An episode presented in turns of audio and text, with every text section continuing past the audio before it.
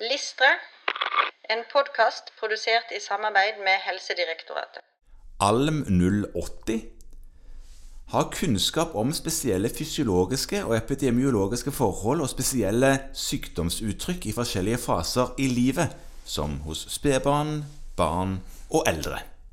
Det var en veldig komplisert måte å si at fastlegen eller allmennlegen er lege gjennom hele livsløpet. Ja, Bortsett fra hos de voksne, da, som av en eller annen grunn er utelatt i den ramsen av spedbarn, barn og eldre. Ja. Men jeg tipper at det gjelder voksne òg. La oss nå være vennlige og så inkludere de. Ja, la oss det. Ellers så skal man jo tenke at det er ikke noe spesielt med voksne. Nei, for det er de man vanligvis tenker på. Ja. Ja. Eh, og det er jo faktisk et poeng at det kan være sånn at, at veldig mye av den kunnskapen vi har basert oss på, den, den gjelder en liten sånn gjeng midt på. Ja, det er riktig, det. Ja. Og det er dagsaktuelt det at medisiner og behandling er ofte ikke prøvd ut på de yngste og de eldste. Nei da. Så dette må man da ha kunnskap til før man får lov til å kalle seg spesialist. Og da skal man gå på kurs. En nyttig læringsarena. Og så kommer også her inn de, de andre allmennmedisinske oppgavene som man i løpet av spesialistutdannelsen skal være borti og få kjennskap til. Og da vil det jo være begge endene av livet her, er jo da jordmortjenesten, helsestasjonstjenesten og sykehjemstjenesten. Ja. Skolehelsetjenesten til en viss grad. Til en viss grad. Og her er det jo òg en del sånne mm, si, retningslinjer som gjelder. Ja.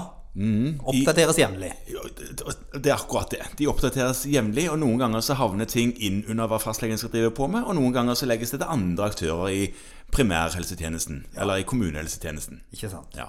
Jeg tror jo kanskje at selv om dette er noe som i alle år har vært en del av det å være spesialist i allmennmedisin, så tenker jeg at det kanskje her i Du tenker på en lege gjennom hele livet? Ja. ja. Mm. Mm. Så tenker jeg kanskje her at i den nye utdannelsen så har vi en gyllen mulighet til å øh, få litt mer fokus på det.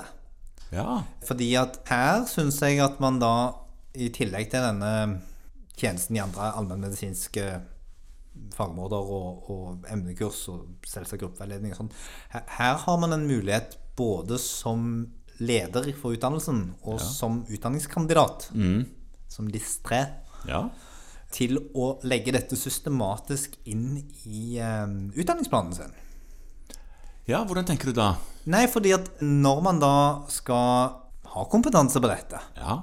Så er det sånn at hvis man kun driver åpen uselektert praksis, så får man da begrensa kunnskap om dette.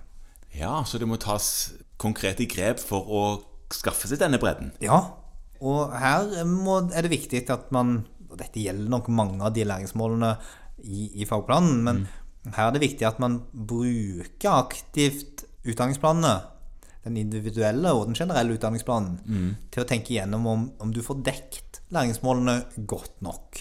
Ja. Eh, Det kan være at man som fastlege et eller annet sted har en dag i uken på sykehjem. Ja.